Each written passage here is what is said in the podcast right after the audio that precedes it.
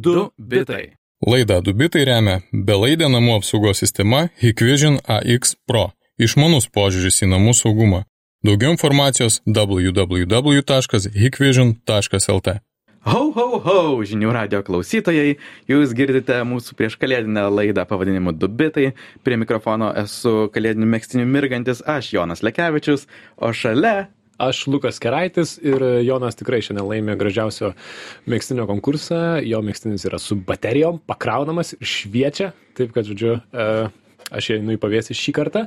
O jūs girdite laidą, kurioje kas savaitę mes apžvelgiame svarbiausias technologijų naujienas. E, pasistengsime tai padaryti ir šiandien, ir rytoj, ir poryt, ir kitais metais. Turime visai tų temelių nemažai. Tai nuo pirmos ir pradėsim, ar ne, Jonai? E, Žinoma. Pirma naujiena yra tokia kosminė, kažkaip jau čia tradiciškai beveik. Tai šį antradienį japonų milijardierius Yusaku Maezawa sėkmingai grįžo į Žemę po 12 dienų trukusios kelionės aplink Žemės orbitą. Yusaku Maezawa yra 46 metų verslininkas. Jisai grįžo kartu su Jozo Hirano, savo padėjėju, ir jie kartu nusileido Kazakstano stepėse kartu su rusų kosmonautu Aleksandriu Misurkinu. Ir kosmonautai kelionę pradėjo iš Baikonūro kosmodromo Kazakstane ir rus, rusiška Sojuz raketa pasiekė tarptautinę kosminę stotį, joje buvo kiti septyni astronautai, na ir jie ten turėjo smagų, smagų laiką.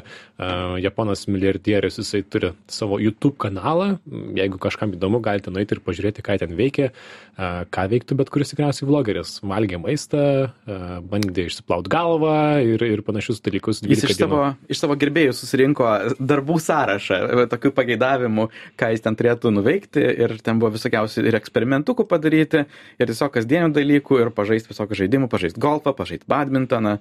Tai prisivežė žaislų ir pabuvo 12 dienų. Smagu. E, Čia naujiena gal tokia, kad e, visgi dar rusiškos raketos skraidina į tarptautinę kosminę stotį ir prisideda prie kosminio turizmo, o be abejo pats Maezava yra labai įdomus milijardierius, toks japoniškasis Elnas Muskas šiek tiek savo, savo, savo įdomiais veiksmais. E, Jis šiaip ir praturtėjo, sukūręs didžiausią drabužių internetinės prekybos portalą Japonijoje ir jis yra tas žmogus, kuris prieš porą metų pranešė, kad bus pirmasis Elono Musko įmonės SpaceX Starship kosminis turistas, kuris planuojama apkeliaus aplink Mėnulį. Tai yra apskris aplink Mėnulį ratu ir grįš į Žemę. E, prieš kurį laiką jis sakė, kad kartu su savim pasims aštuonis menininkus, e, ir kurie kurs e, paskui sugrįžę į Žemę meno kūrinius, ta, prasme, apie tai. Bet dabar jis sako, kad bet kas gali registruotis ir galbūt išsirinks aštuonis žmonės, nepažįstamus keliaivius, kurie keliaus su juo aplink Mėnulį. Jeigu norit pamėginti, dearmoon.earth Registracijos laikas baigėsi. Jau baigėsi? Puikus, A. puikus rekomendacijos. A, aš galvoju, kad dar galima, Taškas. e, nes milijoną žmonių mačiau užsiregistravę, tai šansai vis tiek maži. Jonai, norėtum aplink minulį apskristi? Manau, kad taip, bet man jis kažkaip bendrai jo, jo tonas kai kurių jo iniciatyvų neįtin patinka, tai, tai galbūt būtent prie šitos kelionės neskubėčiau prisijungti. Jis e, seniau buvo dar sakęs, jo nuomonė apskritai apie tuos aštuonis žmonės, kurie keliaus ap- aplink skiriasi. Iš pradžių jisai galvojo apie tos menininkus, dar prieš tai jisai buvo organizavęs savo poros ieškojimo realybės šou, kurie ieškojo savo merginos, e, užsiregistravo 28 tūkstančiai. Mane patį buvo labai, labai neskoningai paveikęs jo Twitter tweetas apie visą šitą programą, kuris jis sakė, uh, būk mano mergina ir būsi pirma moterimi pasiekusi menulį. Su tiesiog tokiu akivaizdžiausiu feminizmo pralaimėjimu, jeigu nori pasiekti menulį, tai ištekėk už milijardieriaus ir, ir, ir pasieksi gyvenime kažką. Oi, tai, taip. tai beprotiškai neskoninga, vėliau jis pats susiprato, kaip tai ne, ne, netinkama ir užbaigė savo šitą iniciatyvą, bet, e, Taip. bet jau man paliko tokį prastą skonį. Įdomus personažas, e, dar bei apybės skaitant man buvo įdomu sužinoti, kad jisai e, prieš porą metų, 2019 metais, plėsdamas savo drabužių internetinės prekybos imperiją, paleido tokį Zozo Suit. Tai yra aptemta kostiumą su taškiukais e, ir kaip galima įsivaizduoti, parsiunti jį, e, pasimat, užsidedi ant savęs, jokingai atrodai tą akimirką, tarsi sutimpam būtum ant viso kūno, tačiau tie taškiukai per programėlę yra nuskaitomi ir pamatuojamas tavo, tavo, tavo dydis ir tuomet užsakai rūbus ir jie atkeliauja be abejo tau tinkamo dydžio. Ir įdomu tai, kad tą Zozo suitą jie padarė visiškai nemokamą, jų užsisakė Japonijoje ir kitur daugiau nei milijoną, tačiau drabužių užsakė gerokai mažiau ir, ir čia didelis buvo toks tam tikras feilas iš jų pusės, netgi akcijų kaina įmonės tam kartui buvo nusmukusi dvigubai, na labai keistas komercinis sumanymas jonai sakyk turėjai idėją pats užsisakyt tą zozo suitą kai čia Jo, siuntimas Lietuvai buvo brangus, tai galiausiai neužsisakiau, bet bendrai idėja man patinka su tą mintimi, jog, žinai, mes dabar turime SML dydžius, bet aš pats žinojau, kad aš esu kažkur per vidurį. Tai nėra, mano visas kūnas yra atitinkantis tą kažkurio vieno iš dydžio idealą. Ir manau tiesiog laiko klausimas, kol kažkas padarys tą sėkmingai, galbūt ne su aptemtom timpom, bet e, norėčiau, žinai, jog mano rūbų dydis nebūtų tiesiog M. Taip. O kažkas būtų personalizuoto, Jono, jo Nežinau, aš tai galvoju, kad vis tiek anksčiau ar vėliau kažkas tokio bus, bet ar tai per webcamą, ar per telefono kamerą nuskaitys mūsų kūnus ir galėsim pasimatuoti tos rūbus, nes štai idėja su kostiumu man jinai tokia... Jo, gal to ir užtektų. Tokiais 2011 metais kažkas studentų hekatonė sugalvojo, galėtų panašiai. Bet uh, pardavinėti, siūsti juos nemokamai, pačius kostiumus, labai drasus komerciškai e, eksperimentas ir šiuo atveju nesėk, nesėkmingas. Tad e, Japono kosmoso e, turizmas tikriausiai kainavo apie 50 milijonų dolerių, niekas tiksliai nežino, bet e, esi milijardierius, gali sau leisti. Tai smagu, smagu sekti. Lauksim kelionės 23 metais aplink Minulį. Uh, tad štai tokia pirmoji naujiena, o antroji naujiena yra iš elektromobilių temos. Ir dažniausiai mes kalbame apie Tesla, kai kalbame apie elektromobilius, bet be abejo jų gamintojų yra daugiau. Yra toksai Polestar, e, pusiau švedų, pusiau kinų įmonė, turinti sąsajų ir su Volvo. Ir jie praėjusiais metais pristatė elektromobilį Pol, Polestar 2, a, premium klasės, brangesnis jisai yra, turėjo tokį šiokį tokį skandalą praėjusiais metais, kad vos tik pagamino ir pardavė kelis pirmus tūkstančius juos reikėjo atšaukti, nes jie savaime sustodavo. O šios savaitės naujiena yra apie tai, kad, kaip galbūt žinote, galbūt nežinote, elektromobiliai, jie gali atnaujinti ir ne tik elektromobiliai, jau šiais laikais automobiliai gali atnaujinti savo programinę įrangą per vadinamosius OTA, tai yra over the air atnaujinimus. Tiesiog, na, pavyzdžiui, e, koks galėtų būti pavyzdys, E, įvyksta atnaujinimas ir tavo gale padidėja ten 16 procentų. Tai toks, to- taip nu- nutiko ir su Polestaru. E, Jisai paskelbė, kad padarys atnaujinimą, kurį galima parsisiųsti ir tavo e, elektromobilio gale padidėjo, padidėjo 16 procentų iki 476 arklio galių tik. Tik įprastai, dažniausiai, kiek man teko girdėti, kiek atrodo, kad dažniausiai būna, tai yra tokie atnaujinimai būna nemokami. O štai už šį atnaujinimą Polestar žada imti pinigų. Dar neaišku, kiek tikėtina, kad apie 1000 eurų. Vien už tai, kad atsiųstum programinį atnaujinimą. Nieko nepakeičiant jokių dalių. Ir man tai atrodo netikėtas sprendimas. Žinau, kad Tesla taip pat daro lyg ir šiek tiek uh, mo- apmokamų atnaujinimų, ar ne? Bendrai tai toks besivystantis naujas trendas, e, kuris yra susijęs su, su keletu dalykų. Tai iš pavyzdžių, žinai, istorinių, Tesla, dar atrodo, 16 metais pardavinėjo Model S e, mašinas, kurios visos buvo suinstaliuotos didžiausios tuo metu talpos 75 kWh baterijomis, tačiau kai kurie modeliai buvo parduodami pigiau ir tik tai 70 kWh būdavo, kabutės, atrakinta. E, Bet kas buvo linksmiausia, kadangi yra pilno dydžio baterija instaliuota jau mašinoje, tu galėdavai bet kada pasiapgreidinti, sumokėti, taip sakant, kainos skirtumą ir atrakinti likusį kiekį baterijos.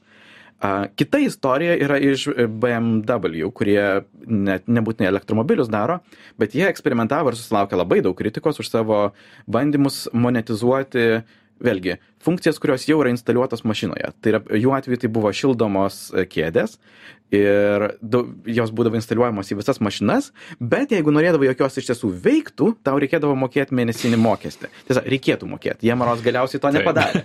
Bet, bet panašu, jog jie labai galvoja apie tai ir juda sistemingai link to, tai čia turbūt laiko klausimas, žinai, kada jiems nebebus svarbu ta kritika, kurią gauna ir tiesiog pradės tą daryti.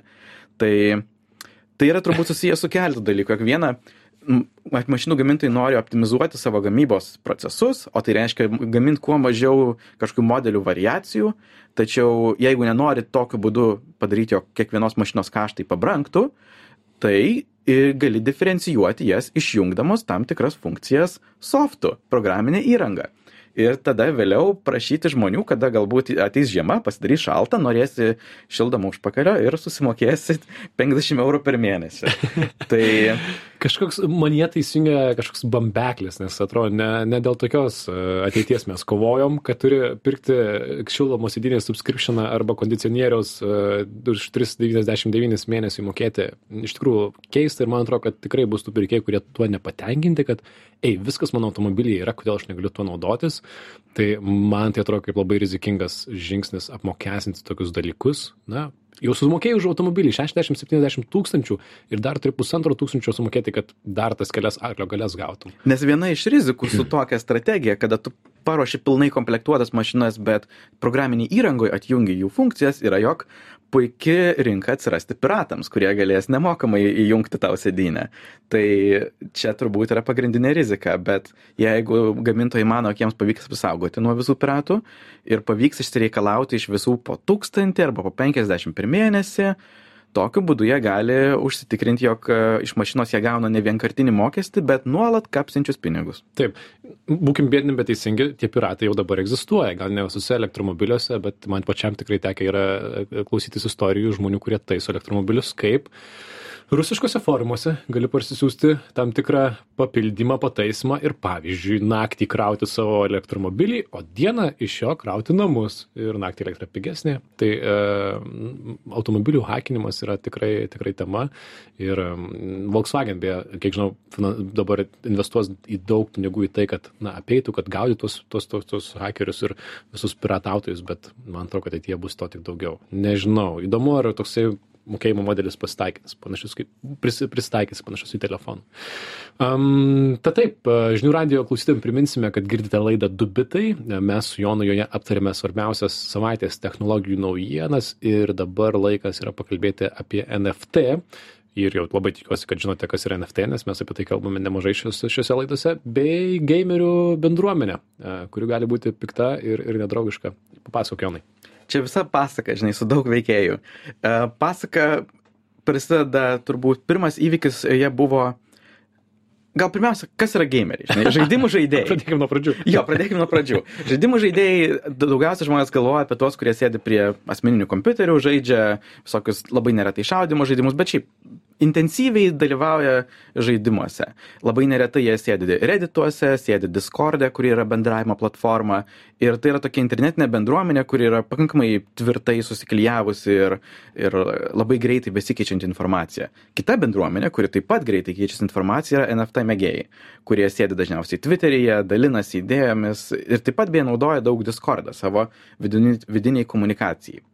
Ir pirmas pasakos, taip sakant, įvykis buvo, kai Discordo vadovas Twitter'yje buvo pasidalinęs tokiu vaizdu, kurisai parodė tokį užuominą teaserį galbūt ateinančios funkcijos, kur leistų Discordą sujungti su kriptovaliuto piniginėmis ir tokiu būdu verifikuoti savo paskyrą, e, NFTs, kurios galbūt turėtum. Ir tas jo funkcijos pasiūlymas susilaukė didžiulio pasipiktinimo iš gamerių.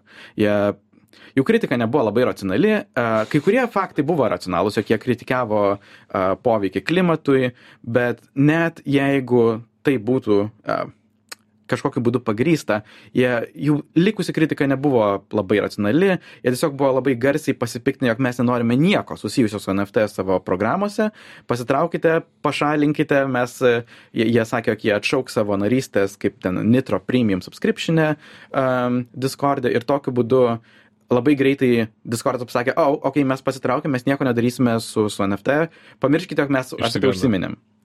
Tai čia buvo toks pirmas e, susidūrimas šitų dviejų bendruomenių. Um, vėliau Ubisoft bendrovė paskelbė, jog jie darys savo tokį savo blokčeiną, galima sakyti, um, kuriame bus galima pirkti žaidimų, um, visokius specialius riboto leidimo rūbus, kepurėlės ir taip toliau ir tas jų paskelbimas video susilaukė 95 procentų nepatinka. YouTube taip kanale, kuris neberodo, nebe, dislaikų neberodo, bet jeigu rodytų, tai ten būtų raudona, raudona, raudona. Būtent. Ir čia buvo antras faktas, toks, kur e, žaidimų žaidėjai, gameriai labai aiškiai pasakė, mes nenorim nieko susijusio su NFT. Ir šią savaitę buvo gal toks ryškiausias uh, faktas, kai Stalker 2 žaidimo kuriejai GSC Game World e, paskelbė, jog jie tiesiog nori surinkti papildomų pajamų, nes jie neturi leidėjo, jie patys iš savo pajamų leidžia žaidimus. Ir tom, tiem pa- pajamom surinkti jie norėjo išleisti tokius NFT, kurie nedalyvautų pačiame žaidime, bet būtų labiau simboliniai. Pavyzdžiui, tavo vardas galbūt atsirastų kaip prie kuriejų arba kažkur ant sienos užrašytas, arba galbūt e, veikėjas panašus į tave būtų sukurtas žaidime, bet tu negautum kažkokių ypatingų galių tame žaidime. Bet nepaisant to, jog jie buvo labai atsargus ir sakė, jog mes nieko, jokių mechanikų neliesime žaidime ir pirkimas nedalyvaus pačiame žaidime, vėlgi atsakas į žaidėjų buvo labai greitas, labai konkretus ir pilnas neapykantos, jog mes nenorime nieko, jokių prisilietimų prie NFT, jau Redditas ir Twitteris buvo tiesiog pakurtas ant liepsnos, kiek, kiek, kiek smarkiai visi, ten iš tiesų buvo net minučių klausimas, kai kurie po 90 minučių jie jau, jau siuntė pataisimą, jog, oi, mes atsiprašom, mes nenorime daryti, nedarysim to ir nedarysim mano. Ir čia tok- toks la- labai greitai užsilepsnojanti bendruomenė. Ir iš tiesų jo, praėjus vos dienai ar dviem jie atšaukė visus planus su NFT, neberink savo papildomų pajamų ir prisi- prisiekė, jog nebelies nieko susijusio su NFT. Tad kyla klausimas, kodėl visa tai vyksta? Taip, taip, nes, žinai, mes prieš kiek tris savaitės dar kalbėjome apie NFT ir sakėm, kad e, vienas pirmųjų žingsnių, kur tai pamatysime, tai bus kompiuteriniai žaidimai. Ir man tai skambėjo labai smagiai. Galiu nusipirkti savo žaidėjui šalmą, kuris bus, nežinau, ten 27 iš 30 galbūt e, specialių e, limituotų šalmų ir galbūt galėsiu matyti NFT dėka, kad štai prieš du metus tą patį šalmą turėjo kažkoks kitas žaidėjas, kuris, kurį, kurį aš mėgstu. O jeigu galvotume apie keliasdešimt metų, galbūt tą šalm, tos tuos šalmus žaidė mano tėtis, žinai, dar kažką čia daug, daug į ateitį gali prigalvot. Ir e, tai kodėl tie gameriai tokie Būtent, nes funkciškai žiūrint, tai NFT technologija labai tiktų žaidimams. Taip. Jinai visokiausias funkcijas gali išspręsti. Aš manau, yra dvi esminės priežastys, kodėl tai vyksta. Abi nėra itin racionalios, bet suprantamos. Pirma, žaidėjai, gameriai bendrai yra nusivylę visais pokyčiais, kurie yra vykę paskutinius dešimt metų. Nes seniai, seniai žaidimai buvo pagrindę vieno žaidėjo, tie single player. Dabar viskas yra perėję į online žaidimus, kuriame, kuriuose ta žaidėjo, žaidimo istorija yra neretai mažiau svarbi ir e, stengiasi išlaikyti žaidimo, žaidėjų dėmesį žymiai labiau, kas sumažina pačių žaidimų kokybę. Ir antras didelis pokytis buvo, jog žymiai daugiau žaidimų yra tapę nemokamais, su tais mikromokėjimais, kur tu moki už kiekvieną deimantuką. Ir tas dar labiau nustumia žaidimų kokybę. Bendrai žaidėjai yra nusivylę. Įmonėmis, žaidimais, EA žaidimų kuriejai yra renkami jau kelis metus iš eilės kaip nekenčiamiausia bendrovė Amerikoje. Ir kai esi nusivylęs visais pokyčiais, kurie buvo prieš tai, naujas įnešamas pokytis kompanijų, kurių tu nekenti, nesvarbu, ar jis tinkamas ar netinkamas, tau atrodys kaip tai, ko tu nenori. Nes viskas iki šiol buvo blogai, tai tikrai nieko gero tikrai nebeatsiras. Ir antra priežastis yra, jog bendrai žaidimų e, bendruomenė sugeba labai greitai ir intensyviai suorganizuoti neapykantą apie dalykus, kurie jiems nepatinka. Nuo tokių senų skandalų kaip Gamergate susijusių su žurnalistika, iki to, kas dabar realiai kas mėnesį vyksta, kokie, tokie atsiliepimų bombinimai, kur išeina koks nors žaidimas, kuris vertybiškai arba kokybiškai nepatinka žaidėjams. Pavyzdžiui, dabar išėjo GTA kolekcijos atnaujinimas. Taip. Ir visi varo tūkstančiais ir reitinguoja jį nuliais, net jeigu nėra žaidę to žaidimo, tam, jog tiesiog parodyti savo nepasitenkinimą tuo, kas vyksta. Ir bendruomenė yra išsūkdžius šitą įgūdį, labai greitai pareikšti neapykantą ir šiuo metu taikinys yra NFT kuriejai. Taip, tai moralas tame, kad e, gal kartais paprasčiau yra eiti prieš bulių e, gaują minę tiesiai keurai negu prieš gamerių bendruomenę, kuri gali būti tikrai pikta, susivienijusi, kai reikia e, ir, ir kartais agresyvi. Tai nepykit ant mūsų, tikiuosi, nieks ne, ne, neprieimė asmeniškai, bet taip ir įvyko, nors idėja atrodo visai graži. Tai lauksim, kaip visą tai įsirutulios, ar tas NFT ateis į žaidimus ar neteis, nejaugi visą laiką priešinsies naujovėms. Ir lieka dar kelios minutės paskutiniai naujienai, kurią jau kelias savaitės mes čia mirdom, jau, jau tokie rauginti agurkai iš jos gaunasi, bet norėjom vis pakalbėti. Tai naujiena, kuriai yra kelios savaitės, bet uh, Junktinėje karalystėje uh, ministerijos ir viešosios institucijos nuo šiol turės būti pasiruošusios parodyti, kaip veikia jų sprendimus priimantis algoritmai. Ar tai būtų mokykliniai egzaminai, pašalpos paskirimas ar kitoks sprendimų prieimimas, institucijos turės pareigą paaiškinti, kaip, kam ir kada naudotas vienas ar kitas algoritmas, kaip užtikrinamas jo sažiningumas ir šitas reikalavimas turėtų įsigalioti kitais metais. Tai reikalavimai turės skirtingus lygius, tai yra, pavyzdžiui, trumpai vardinti, kur ir kaip naudojami algoritmai, arba jau antras lygis yra, kaip veikia, kokie duomenys naudojami apmokant algoritmus ir kaip žmonės prižiūri tos algoritmus, kas, man atrodo, neįtikėtinas žingsnis. Įdomu, ką masto apie tai Junktinės karalystės biurokratai, kuriems tai aš įsivaizduoju tikrai nemaža našta sužiūrėti, kur tie algoritmai naudojami, kaip ir kam. Iš kitos pusės, jeigu žiūrėtume per privatumo prasmes, per, per įvairias teisinės prasmes iš naudotojų pusės, lyg reikėtų tai sveikinti. Įdomu, kaip tai atrodys praktikoje, ar ne? Ar tai, mhm. ar tai veiks? Aš manau, visai um, sąmoningas ir protingas yra sprendimas identifikuotos skirtingus lygius, kuriais tu gali um, apibūdinti, ką daro algoritmai. Pirmiausia, aš manau, yra gana gerai, jog jie kvesionuoja duomenis, kurie įeina algoritmus, nes čia yra lengviausias objektas, taip sakant, audituoti ir ypač tikrinti, ar tose duomenyse nėra kažkokio paslėpto, vadinamo, polinkio arba bias. Pavyzdžiui, galbūt uh, statistiškai kažkurie modeliai, uh, nežinau, vyrus vertina aukščiau negu moteris. Ir tą reikėtų identifikuoti iš karto duomenų rinkimo lygyje tam, jog tai vėliau nepataptų kažkokių spėjimų rezultatais kas yra žymiai sudėtingiau, tai vertinti pačių algoritmų sprendimus, nes šiais laikais jau beveik visi dirbtiniai intelektai yra neurotinklai ir kaip ir žmonių neurotinklo yra labai sunku paaiškinti, kodėl žmogus padaro tam tikrą sprendimą. Taip yra praktiškai neįmanoma pilnai atsakyti, kodėl dirbtinis neurotinklas pasako vienai par kitaip. Jisai yra ištreniruotas iš duomenų, yra, žino, jog jeigu matai tokį duomenį, daugmaž sakyk tai, ir negali paaiškinti to detaliau, todėl jie vadinami tomis juodosiamis dėžėmis, black box, kur tu ištreniruoji, gauni kokybišką rezultatą, bet negali pilnai paaiškinti, kas ir kodėl vyksta. Tad mano viltis yra, jog šitie reikalavimai, tikiuosi, jie nepribos per daug smarkiai visos srities besivystimo, nes jeigu kiekvieną algoritmo taškelį reikės gebėti pagrysti, tai visi algoritmai sulėtėja šimtus kartų, kol jie patys išsivysto gebėjimą pilnai paaiškinti savo veiksmus. Taip, ir čia reikia ir techninių žinių, ir suvokimo, kaip, tai, kaip tai vyksta. Na, jeigu tai įsigaliotų ir veiktų, tai būtų pirmieji nacionaliniai algoritmų skaidrumo standartai pasaulyje. Tikriausiai būtų Junktinė karalystė pirmoji šalis, kuri turėtų tokius savo nacionalinius skaidrumo standartus. Um, tad tiek naujienų šiandien, daugiau ir netilpo. Kaip visuomet po savaitės sugrįšime. Laidą galite klausytis žinių radijos svetainėje žiniųradijas.lt. Kita savaitės laida bus speciali, aptarsime visus praėjusius metus, išskirsim tam tikrą tikras tendencijas, man atrodo, bus įdomu, ar ne? Mhm. Jeigu klausotės mūsų kaip spo, per Spotify, dabar galite jau pradėti reitinguoti mūsų podcastą, tai gali būti kaip gameriai ir siūsti mums po penkias žvaigždės, ne po nulį. Ačiū. Ačiū Jums. Tai iki kitos savaitės. Iki. Laidą Dubitai remia belaidė namų apsaugos sistema Hikvision AX Pro. Išmanus požiūris į namų saugumą. Daugiau informacijos www.hikvision.lt. Du bitai.